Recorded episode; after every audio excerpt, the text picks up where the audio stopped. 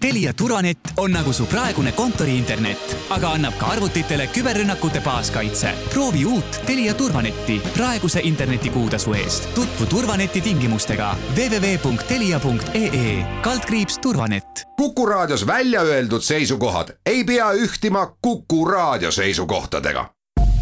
Te kuulate Kuku raadiot majandusruum.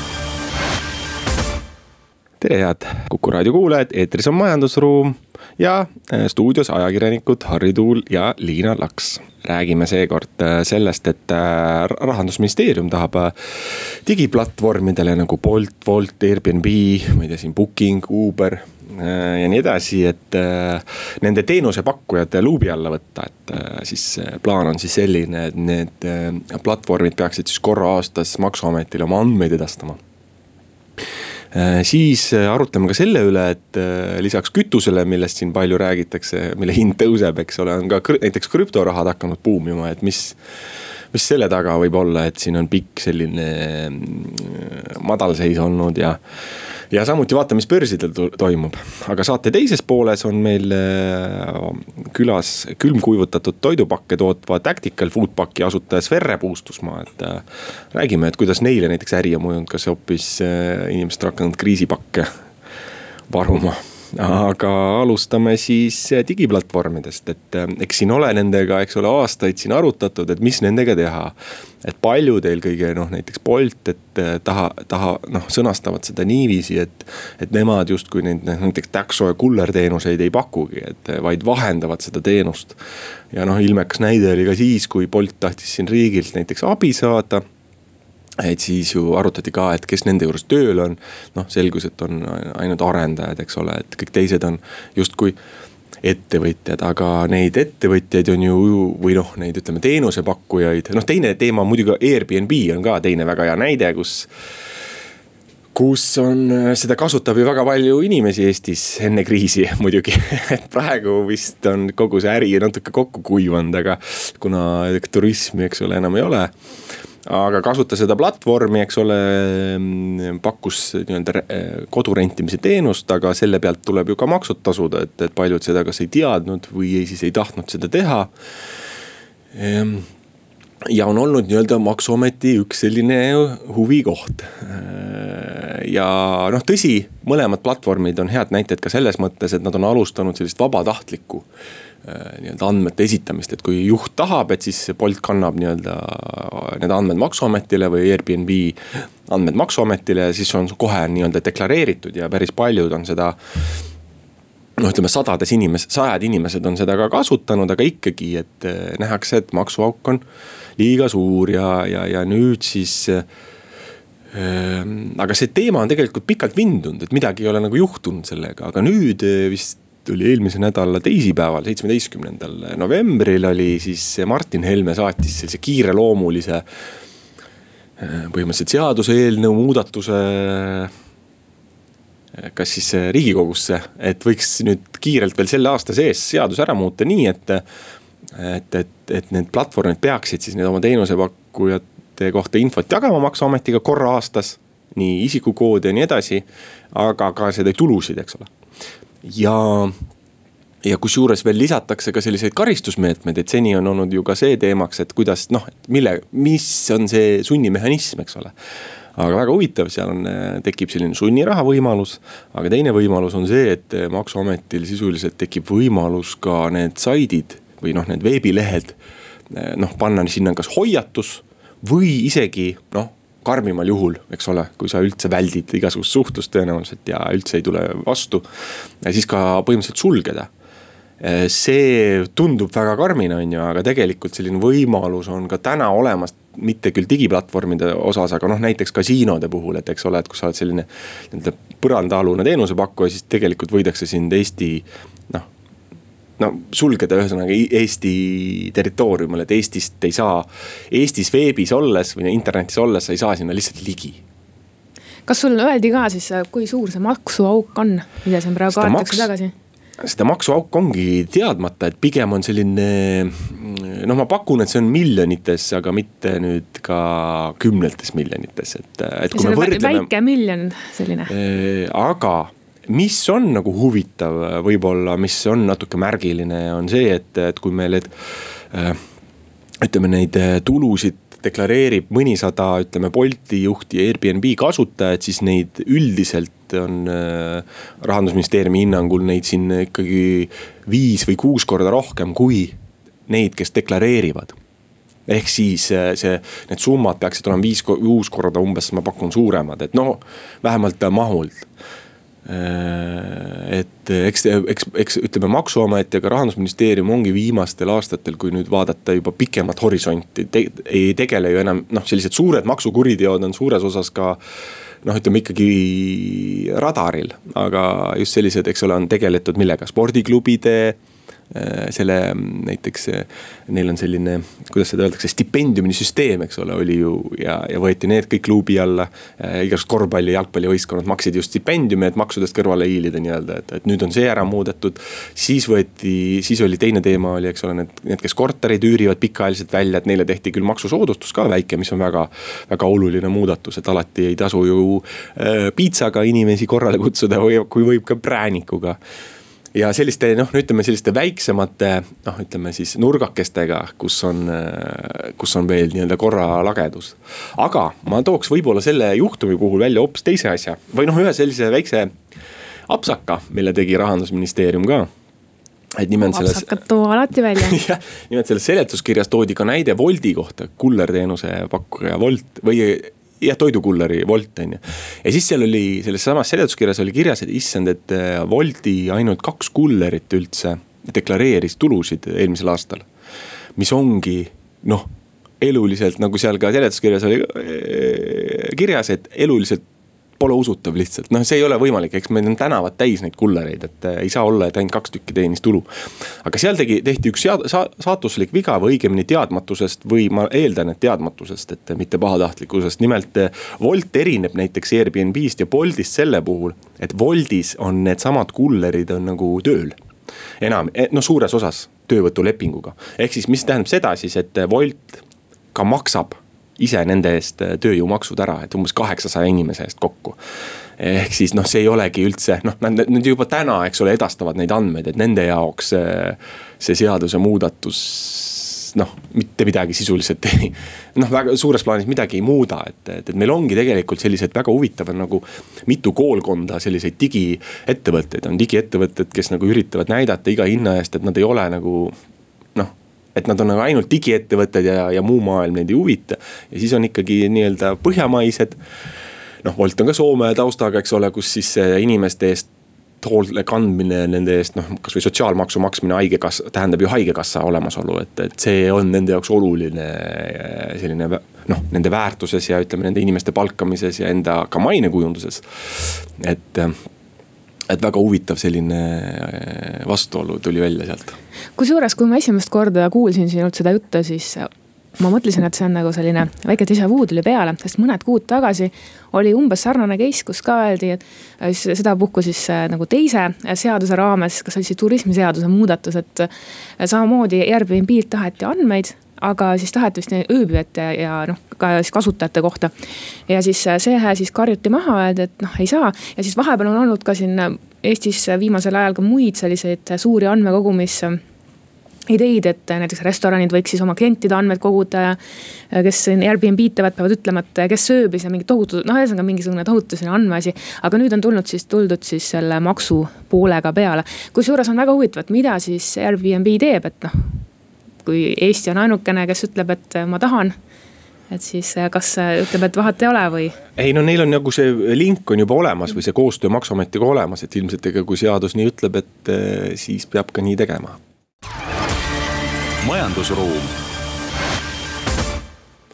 jätkame saatega, stuudios ajakirjanikud Harri Tuul ja Liina Laks ja kui enne rääkisime siis digiplatvormidest, siis nüüd lähme digi raha juurde või õigemini krüptorahade juurde, et noh, siin viimastel ma tean, et minul isiklikult küll ei ole ühtegi mm, investeeringut äh, krüptovaluutasse, noh, ütleme, me räägime siin näiteks Bitcoinist, eks ole, aga nii mõnelgi tuttaval või töökaaslasel on ja nad on rõõmustanud, et äh, lõpuks ometi on, eks ole, Bitcoini hind on jälle seal, kus ta olema peaks, noh naljaga pooleks, eks ole, ehk siis kõrgustes.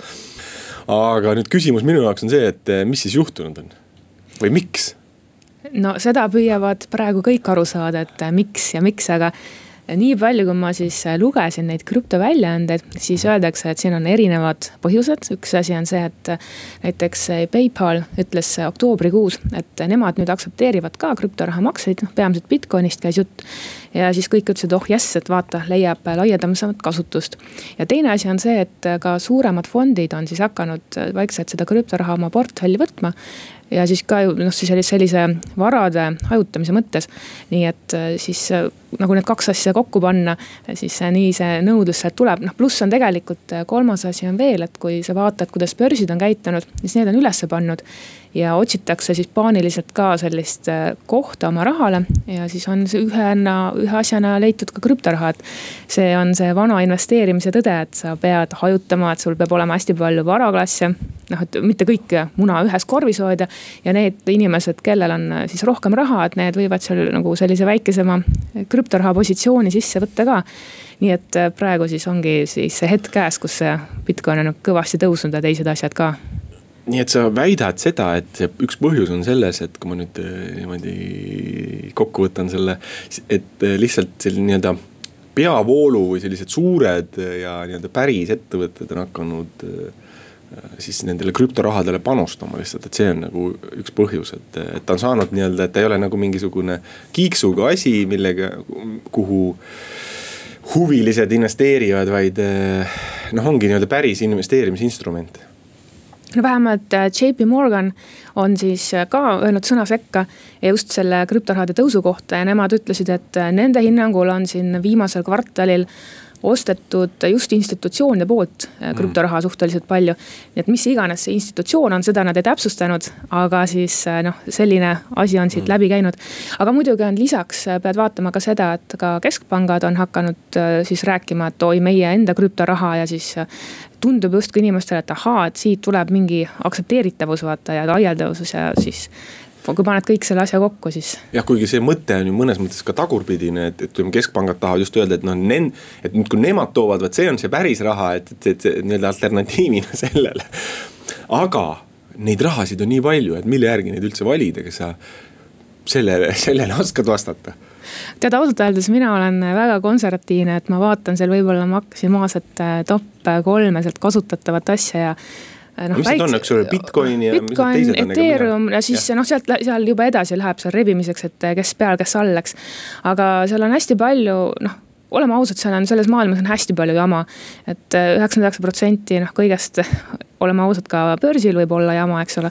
et siis äh, sealt ma lihtsalt ei suuda näppida, sest, sest reeglina need asjad on kokku pandud seal mõne leheküljelise suurepärase turundusjutuga, et kus me hakkame maailma vallutama ja siis vaata, et mida on tehtud. ja need uuringud on ka tehtud.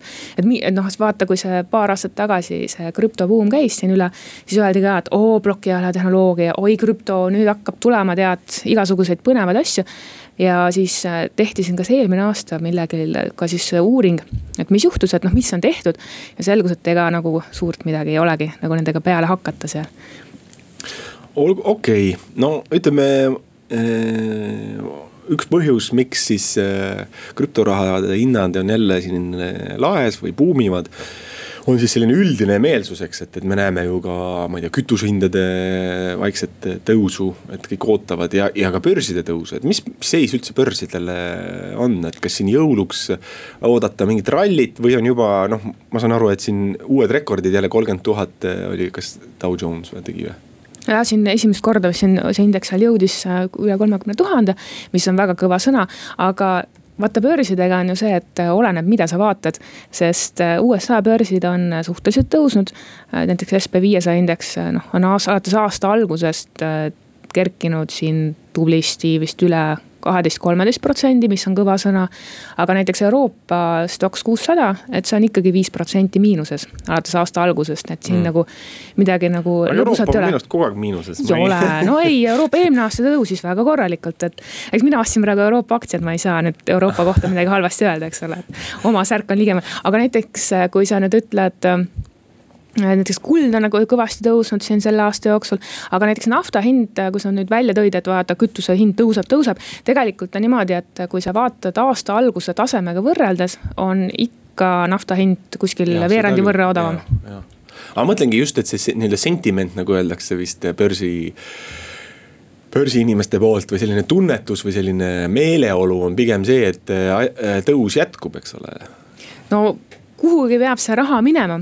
aga just ma vaatasin äh, Šveitsi leht äh, Neue Züricher Zeitung oli siis äh, välja toonud siin sellise huvitava asja, et, et leiti üles värske uuring, kus siis noh, inimesed ülikoolist, ma nüüd siin ülikooli ei mäleta, olid siis vaadanud, et mille järgi siis Fed USA-s tavaliselt seda keskpanga rahanduspoliitikat muudab. ja öeldi, et okei okay,, et muudab tegelikult mitte selle järgi, mis majanduses toimub, vaid selle järgi, et kes börsil kõige kõvemini karjub. et kui börsikursid langevad, siis tavaliselt Fed võtab siis lipukese kätte ja hakkab siis noh, oma protsendikesi muutma.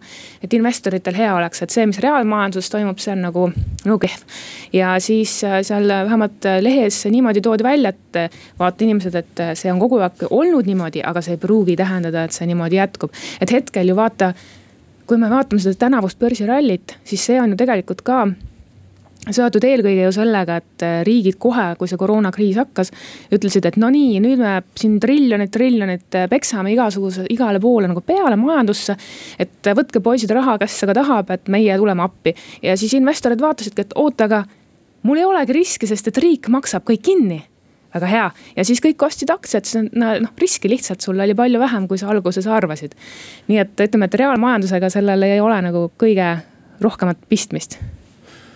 Aga selge, aga lõpetame siis veel sellise uudisega, et eh, mis väga mõnes mõttes sinu eelnõu jutuga seostub, et ju föderaalreservi ehk siis Swedi juht siis äh, Janet Yellen, eks ole, on üks kandidaat äh, USA uueks rahandusministriks no nii on, vähemalt talle väidetavalt siin on pakutud koht, eks siis vaatame, mis sellest edasi saab, et. kui ta seal vastu võtab ja siis selleks saab, siis ta oleks vist USA ajaloo esimene rahandusminister, kes on ka naine. ja ühtlasi ta oli ka esimene rahandusmini-, keskpanga juht, kes ja. oli naine, nii et äh, murrab klaaslagesid siin järjepanu. aga teeme nüüd äh, pausi ja jätkame siis juba külalisega. majandusruum oleme tagasi, stuudios ajakirjanikud Harri Tuul ja Liina Laks, aga telefoni otsas on meil siis külmkuivatatud toidupakke tootva Tactical Foodpacki asutas Verre Puustusmaa. no tutvustaks natukene ka kuulajatele, Kuku raadio kuulajatele, et äh, millega te täpsemalt tegelete? jah, tere ennelõunat siis äh, tegeleme sellise asjaga nagu põhimõtteliselt ütlen, nimetame siis kas kodu või restorani toidu või reaalse toidu külmkuivatamise ja siis selle pakendamisega mm. -hmm. mis tähendab siis seda, et mitte me ei pakenda sinna mingisuguseid komponente või mingisuguseid maisijääke, vaid täpselt nii nagu kodus keegi näiteks pasta bolognese, nagu te teete, tehakse pasta, hakkliha, tomatikaste, sibul, kõik äh, naturaalsed äh, koostisained, tehakse toit valmis ja siis põhimõtteliselt tehakse selline kiirkülmutus ja siis ta läheb sellisesse spetsiaalsesse masinasse, kus sellel toidul võetakse välja vesi. ehk siis kõik mm. muud omadused toidus säilivad, vitamiinid, valgud, äh, kiudained äh, ja nii edasi. ehk antud juhul on see siis maailmas teadaolevalt ainus toidu säilitamise viis, mis annab meile võimaluse siis kõik selle nagu mm, säilitada ja alles hoida ja seda siis meie pakendi puhul, kuidas meie pakendame, siis parim enne on kaheksa aastat. no ma saan aru, et see vähemalt alguses või see number üks klient, mis teil on, on noh, ütleme, ma ei tea, militaarvaldkond.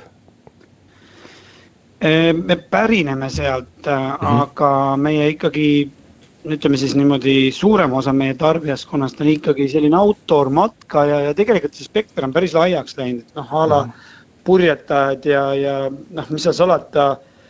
Mul kodus on äh, poeg tuleb koolist ja tahab süüa teha, siis ta võtab lihtsalt kuuma vee kannu ja paneb sinna toidule vee peale ja tal on täisväärtuslik toit olemas. eks ta on nagu läinud väga laiali, et ta lihtsalt jah, meie nagu background või nii-öelda meie story, kust see kõik alguse sai, on sõjaväeline. okei okay,, aga kui, milline roll ta ütleme tänaseks sellel sõjaväel veel on või kas, või mis te ise planeerite? ikka on, tema miinus on nagu see, et äh, ta on küll kõige parem toidu säilitamise viis, aga kahjuks on ta ka kõige kulukam toidu säilitamise viis.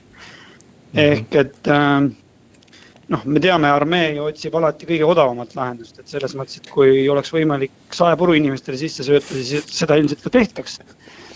aga noh, kahjuks ta on jah niimoodi, et äh, konkureerida seal mingisuguste rasvakonservidega nagu väga keeruline mm. -hmm. et äh, küll tuleb tunnistada, et äh, ka Eesti liigub ainult paremuse suunas ja eks meie suur missioon noh, kuna ma ise olen päris pikalt olin tegev ja sealt ju see idee tuli, siis äh, noh, minu jaoks on ka see missiooni põhimõte nagu, et mehed põllul saaksid ikkagi väga kvaliteetseid asju. no see rasvane toit on ju raskem ka, et äh, seal ei ole ju ainult rahas küsimus, et, et ma kujutan ette, et kui oh,. ma võin neid miinuseid palju tuua, omast kogemusest mäletan, kui konserviga sai nii-öelda külmadest tingimustest oldud ja siis ka gaas, mis meil kaasas oli, kahjuks ei olnud selle jaoks mõeldud, siis nutta või naera, ehk siis laku otse sellest äh, metallkuubikust. Kätte ei saa. nii nali naljaks, aga ühesõnaga see külmkuivatus annab nagu väga palju lihtsaid võimalusi, ongi, ta on kergem, ta ei külmu läbi. võin teda ka külma veega teha, kui ma tahan, tegelikult ma võin teda ka otse pakis süüa ja vett peale juua.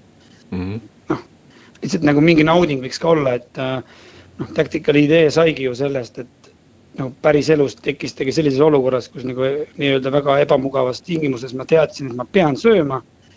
ja siis ma sunnisin ennast, motiveerisin ennast, et ma tean, et ma pean seda konservi sööma mm.. noh, see ei ole normaalne, et äh, raskes tingimuses toit võiks olla ikkagi motivaator. no vaatasime siin majandusnäitajatele otsa, et tundub nagu see aasta oleksite sellise hoo sisse saanud või äh, kas see, kas need numbrid on õiged või, või kuidas päriselt elu on? siin käibe mõttes ta, näiteks, jah. jah, jah, jah, eks ta eelmine aasta oli meil selline. no me oleme suhteliselt noor ettevõte tegelikult, ütleme mm. kuskil kaks tuhat seitseteist me hakkasime müüma, kaks tuhat kuusteist ettevõte on loodud, aga noh, siis ta läks brändi ja siis menüüde väljakujundamiseks ja kõik nii edasi. ja eelmisest aastast me võtsime väga tugevalt ette siis äh,, kuidas ma ütlen siis nagu noh, Euroopa turud, fokusseerisime ennast teatud turgudele ja mis seal salata, eks siin see koroona vol üks äh, kevadel või siis veebruari, veebruari lõpus, see viskas ka ikka korralikult meile nagu käivet ja. aga see kevadine, kevadine koroonakäive tuli siis eestlastelt või välismaalast hakkasidki vaatama seal, et Mõlemad. saaks? jah, ka välismaalt, Rootsi oli kusjuures üks esimesi, kus me nagu nägime paralleelselt Eestiga nagu esimest tõusu ja siis tuli Saksa järgi, noh, see sõltub muidugi turgudest, kus me oleme paremini esindatud aga seesama järsku, kui päevapealt, kui ta algas, sama järsku ta päevapealt ka lõppes. ehk siis kas ma saan aru, et inimesed nii-öelda kriisivaruks äh, pöördusid teie poole? Või? ja, sest noh, esimese paanikaga, eks ole, kui poelettidelt kadusid makaronid ja WC-paber, siis nagu oli kõik, keegi ei teadnud, kuhu suunas ära joosta ja siis noh, meie olime tegelikult juba pool aastat varem rääkinud umbes äh, siin Äh, sügise tormikahjustustega, et tegelikult oleks nagu mõistlik omada sihukest väikest toiduvaru kodus. Ähm, mis on tõesti noh, maitsev ka, eks ole, et noh, ma ei ütlegi, et noh, alati võib ju süüa mingit survival food'i, et võib ju minna metsast vihmaussi ka lutsutada. aga noh, oleme nagu, jääme inimlikkuse piiresse, eks ole, siis võiks olla mingi toidutagavara, siis kõik naersid, et ah ei, milleks meil seda vaja on mm. -hmm. ja siis hopstigi, kui tuli siis veebruaris koroona üks, siis jah rahvas hakkas ostma. sest noh, meil tegelikult nagu see koroona tarbeks või ütleme, see kriisi tarbeks on meil eraldi, kutsume nii-öelda sõsarbränd on siis äh, Eesti nimega, ta on kriisitoit. aga noh, me tegime ka rahvusvaheliseks, on SOS Food. et noh, ütleme see matkaja ostab tactical food back'i. Aga just see kriisitoit oli siis see, mida siis koroona ajal osteti. aga noh, see kadus ka kuskil märts, aprill, noh, ütleme juba mai oli kõik, et mai siis on ikkagi, et noh, et see käive tuleb ikkagi meil Tacticali pealt ehk siis põhitoodang, mis me teeme aga ütleme turgude mõttes, et äh, mis teie põhiturud äh, praegu on? Skandinaavia ja Saksamaa. Ja noh, Saksamaa turg on muidugi veel alles ikkagi noh, ta on lihtsalt nii palju suur, et äh, ja omanäoline, et seal on ikka päris korralikult saab piike ristata kõikvõimalike institutsioonidega, et et, et, et mingite lubade, lubade või heakskiitude osas jah, või mis te mõtlete? jaa, sest et noh, sa võid teha nagu meil on ka kõik tehtud Euroopa standarditele, kogu pakendid ja kõik need äh, noh, mis peab olema, eks ole, siis toiteväärtused ja mis iganes välja loodud. Aga Saksa Veteamet leiab alati oma konksu veel, et äh, mis talle ei sobi, et kui meie pakendit ka vaadata, siis seal on mingisugused eripärad, mis on sakslaste pärast tehtud aga sakslaste puhul olete veel nii-öelda tsiviilturul või olete suutnud end ka seal kuskile sõjaväkke sisse süüa? no me üht-teist on läinud siin natuke eh, nii-öelda, kuna ta on nagu, kuidas ma ütlen siis pisut kallim kui konserv, eks ole, siis äh, ta üldiselt läheb selliste väga professionaalsetele üksustele ehk siis mingi nagu erilisematele üksustele, et sihuke reasõdur teda kahjuks väga ei saa et äh, aga on jah ka Saksa läinud ka politseile ja sõjaväele ja, aga mitte nüüd ütleme kogu Bundeswehrile. aga äh, ütleme, kuidas see müügitegevus teil käib, et kas te müüte otse või, äh, või on teil ka mingisugused, ma ei tea, veebilahendused, et. Või vahendajad, ma ei tea, kauplused või noh, jaeketid, et kuidas see, kuidas see pool on välja ehitatud? no enamasti noh, mõlemad, aga enamasti meil on ikkagi business to business, et mm. -hmm ja on meil müügimeeskond ja Saksamaal on meil täitsa oma müügiinimene, sakslane. ega seal muud varianti ei olegi, ma ütleks nii. ja jah, et selles mõttes, et klientidel on võimalus läbi meie süsteemi siis sisse logida ja tellida, nagu noh, hästi mugavaks on tehtud, ega tänapäeval on väga keeruline teistmoodi teha üldse asju aga kui see Eesti turu osakaal, et ütleme, ütlesite, et Põhjamaad ja, ja Saksamaa, eks, et aga Eesti turu osakaal on on, on siin üldse turgu? E-, ellu ei jääks. seda ei tasuks teha, et ta on nii väike, et noh, me ikkagi, kui me selle brändi tegime, siis me ikkagi praegu suun-. no ütleme veel aasta-kaks pressime siin ennast Euroopas ja tegelikult me tahaks ikkagi ka siin üle lombi minna, et. Äh, et nagu plaan on ikkagi ka suurema su,, suurema mastaabiga peale lennata nii-öelda et Eesti turg on sihuke mõnus testimiseks, et vaadata, mis menüü või midagi toimib ja mingisuguseid pakendi eripärasid testida. aga jah, sellest nagu leiba lauale väga ei tooks. et te mõnes mõttes olete nagu selline äh, tüüpiline Eesti idufirma, et ta alustab siin, siin testiga ja siis läheb maailma vallutama. just. majandusruum jätkame saatega, stuudios on ajakirjanikud eh, Harri Tuul ja Liina Laks ja virtuaalselt on meiega telefoni otsas eh, Tactical Foodbacki üks asutaja Sverre Puustusmaa. no mainisite siin, et üks eh, selline pikaajalisem plaan on ka nii-öelda üle lombi äriga minna, et, et ma saan aru, et kuskilt on vist ka uudistest läbi jooksnud, et vist selle jaoks oleks lihtsam või parem ka sinna tootmine viia. Ja see on korrektne, sest et noh, USA kaitseb oma turgu ja eriti, mis puudutab, kui vähegi on mingi lihateemaline mm.. Ja mis seal salata, eks me korra oleme proovinud juba USA turule siseneda. ja noh, meil on tegelikult kogu siis ajasime ka paberid justkui korda, et meil on ka tegelikult FDA siis sealse vetameti nii-öelda luba aga kui näidiskaubad kohale jõudsid, siis selgus, et äh, tollitöötajad vaatasid, et Eesti kui riigi taga on väike tärnikene. ja siis selgus, et äh, usakate jaoks on Eesti suu- ja säärataudi ohtlik riik hmm.. See oli probleem number üks. ja probleem number kaks oli see, et kuna meie tooted sisaldavad ka liha üle kolme protsendi siis äh, seda ei ole võimalik müüa USA-sse, sest Eestil puudub äh, õigus või leping USA-ga hmm.. aga on see, on see leping nüüd olemas või see on ikka veel? ei, ma arvan, et seda ei tulegi. niikaua kui meie üksinda sinna tahame minna, siis seda ei tulegi, et ei hakka seda keegi sinna ajama. Et kui... me saime aru, et jah aga kuidas Euroopa Liidu sees on needsamad probleemid lahendatavad või, või kuidas, kuidas siin on äri ajada, et siin on ka ju noh, ühelt poolt on jah, Euroopa Liit ühtne, aga teiselt poolt on ju ikkagi. noh, riigid võivad seal mingisuguseid erireegleid kehtestada.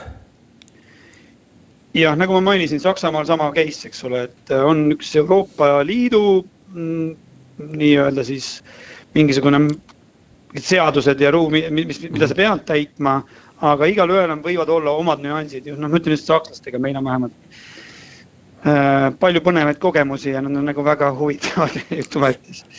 et äh, aga noh, USA-ga ja ega siin varianti ei olegi, tuleb USA minna, ega siin teist varianti isegi ei ole, et USA-s nagu üldse nagu kanda kinnitada, siis siit ei ole võimalik. aga Euroopa teised riigid on seda lahendanud nii, et noh, näiteks Hispaanial on äh, müügiõigus seal veiselihale ja midagi oli veel, Poolal on seal mingi a la ulukid ja küülikud ja noh, kõik on nagu loonud siis vastavalt oma majandusharudele mingisugused äh, võimalused, et nad saaks USA-s müüa. aga ma olen aru saanud, et ega Eestis keegi peale meie väga toitu nagu sinna müüa ei taha ja et ega me ei ole ka sellepärast ka väga huvitavad. aga võib-olla korra kirjeldaks äh, kuulajale, keeruline on üldse see toiduäri noh, selles mõttes ajamine, et kui palju, kas on neid lubasid palju või mida on vaja või nõudmisi ja lubasid, mida on vaja täita? no meie oleme vähemalt, kindlasti on võimalik ajada ka mingit teistmoodi, aga meie, kui me alustasime üldse, siis äh, meie kaasasime, meil on siis ka partneriks on siis äh, Tallinna Toidu ja Fermentatsioonikeskus, et äh, kes aitavad meid siis kuidas ma siis ütlen, nii maagili nagu labori poolega või mm. -hmm. et, äh, et kogu siis ütleme, see toitumispalett oleks nagu tasakaalus. Äh, kusjuures mõeldes just, et noh, enamasti, kui me räägime tactical food pack'ist, on mõeldud väljas liikuvale inimesele mm. -hmm. seal on omad nüansid, mingeid elemente võib rohkem olla vaja. et kui ma olen selline kaalu jälgiv kontoriinimene, siis ma võin nagu mõne meie toidu peale ära ehmatada, et nii palju kaloreid, eks ole mm. -hmm. et äh, eks seal on nagu omad nüansid, et paberid on üksjagu, et äh, sõlt-, noh eriti kui sa tahad rahvusvaheliseks minna, siis noh. iga asja peale peab sul paber olema, laboritõestus, me oleme teinud säilivuskatsed kaheksa aasta peale, mis võtavad päris kaua aega, rääkimata palju, et nad maksavad väga palju. aga see, kui sul kõiki neid pabereid ei ole, siis äh, ei ole võimalik Euroopas, noh, Saksamaal on nagu võimatu asju ajada kui mainisid äh, seda maksumust, et äh, palju see paberite ajamine siis maksab kõikide laboritestide ja asjadega? et kui ma tahaksin ka midagi sellist teha, siis millega ma arvestan? no sõltub, mis sa täpsemalt teed loomulikult see on, ma ei, ma ei julge siin öelda mingisugust, ma ei tahaks öelda nagu mingit summat praegu siin, sest see on nii sõltuv, et. sõltub äh, sellest, et kas sa, a la, mis sa määrad, kas sa määrad selle ainult toiteväärtuse, kas sa tood sealt välja fiibrid või need ähm, siis kiudained noh, see kõik nagu sõltub sellest, kui, kas sa tahad säilivust katset, kas sa tahad äh, toitumisspetsialisti sinna kõrvale, et ajada see paika, et äh, ega sa ühe korra midagi potis keedad, siis noh, ega ta kohe valmis ei saa, et meie puhul uue toote turule toomine on umbes neli kuni viis kuud. Hmm. Aga mis teil nüüd edasi saama hakkab, et ma saan aru, et te siin jutuks tuli, et kolite. suuremad ruumid, suuremad plaanid. just, eks kuidas ma ütlen, ähm, müük ja tootmine jooksevad käsikäes, et kord üks ees, kord teine taga, et äh,. aga noh, arengu taha ei tohi kunagi firmat jätta, et äh, äh, nagu ma ütlesin, plaanid on suured ja hetkel see liigutus, mis me nüüd teeme, seal ruumides me peaks suutma siis katta ära Euroopa. ja nagu mainitud, siis järgmise aasta plaaniga tahaks siis nagu vaikselt hakata Ameerikas kanda kinnitama. inimesi palkate juurde, et ma vaatan, et siin see aasta olete vist palganud vähemalt siin, ma ei tea, avalike andmete põhjal, aga. ja ikka jah, ja ka praegu, et äh, tuleb meil siin just võõrturgudele noh, tulevad äh, omad müügispetsialistid juurde, et mm. -hmm et kui sa oled eestlane, siis noh, ega sa hispaanlasele ei müü mm. -hmm. või isegi ka sakslasele, et noh, sa võid ju üritada, aga noh. me saime sellest, kaks aastat üritasime ise ja siis saime aru, et äh, no väga ei lenda nagu, nad on suured riigid, tahavad rääkida omaenda keeles, nad tahavad tunda, et see, kultuur, kes nendega räägib, see suudab vastanduda nende nagu ärimudelile ja kultuurile, et äh,. õnneks Eestis, ma julgen öelda, Eesti maine Euroopas on ikkagi pigem positiivne. noh, rootslaste jaoks me oleme siuksed venkud, aga noh, kõlab halvasti, aga no ütleme sihuke Ida-Euroopa plokk on ju. et sihuke. Aga mis, aga tahad öelda, et tegelikult neid inimesi, neid müügiinimesi või keda te otsite, need te ikkagi leiate? et ei ole nüüd väga keeruline või nad vaatavad ikka viltu? vaata, ei no meie otsime, siis me otsime väga oma. me oleme leiutanud enda jaoks nagu süsteemi, mis nagu töötab, et kuidas need inimesed, kelle me võtame, et need nagu ka huvitab, mis me teeme ja kuidas me teeme. et äh, ja kui meil on nemad juba olemas ja nemad usuvad, siis nemad juba suudavad ka seda kohalikku inimest seal mõjutada, sest et noh, ta suudab panna kohalikku konteksti, et äh, äh kui me noh, Tacticalist rääkides, siis äh, meil Saksamaaga noh, kui me tulime algselt, kogu meie marketing oli hästi selline, no ta on siiamaani jõuline, aga ta oli hästi militari baasil, siis me nüüd oleme veits seda militari nii-öelda relva osa maha võtnud sealt, et ta on jäänud tough, aga ta ei ole enam nagu selline militari, sest mm -hmm. Saksamaa tänu oma ajaloole on väga tundlik sellel teemal, me saime aru näiteks okei okay., aga aitäh, et äh, Tactical Foodpacki üks asutajatest Sverre Puustusmaa, et stuudios olid ajakirjanikud Harri Tuul ja Liina Laks ja kohtumiseni majandusruumis juba järgmisel nädalal. majandusruum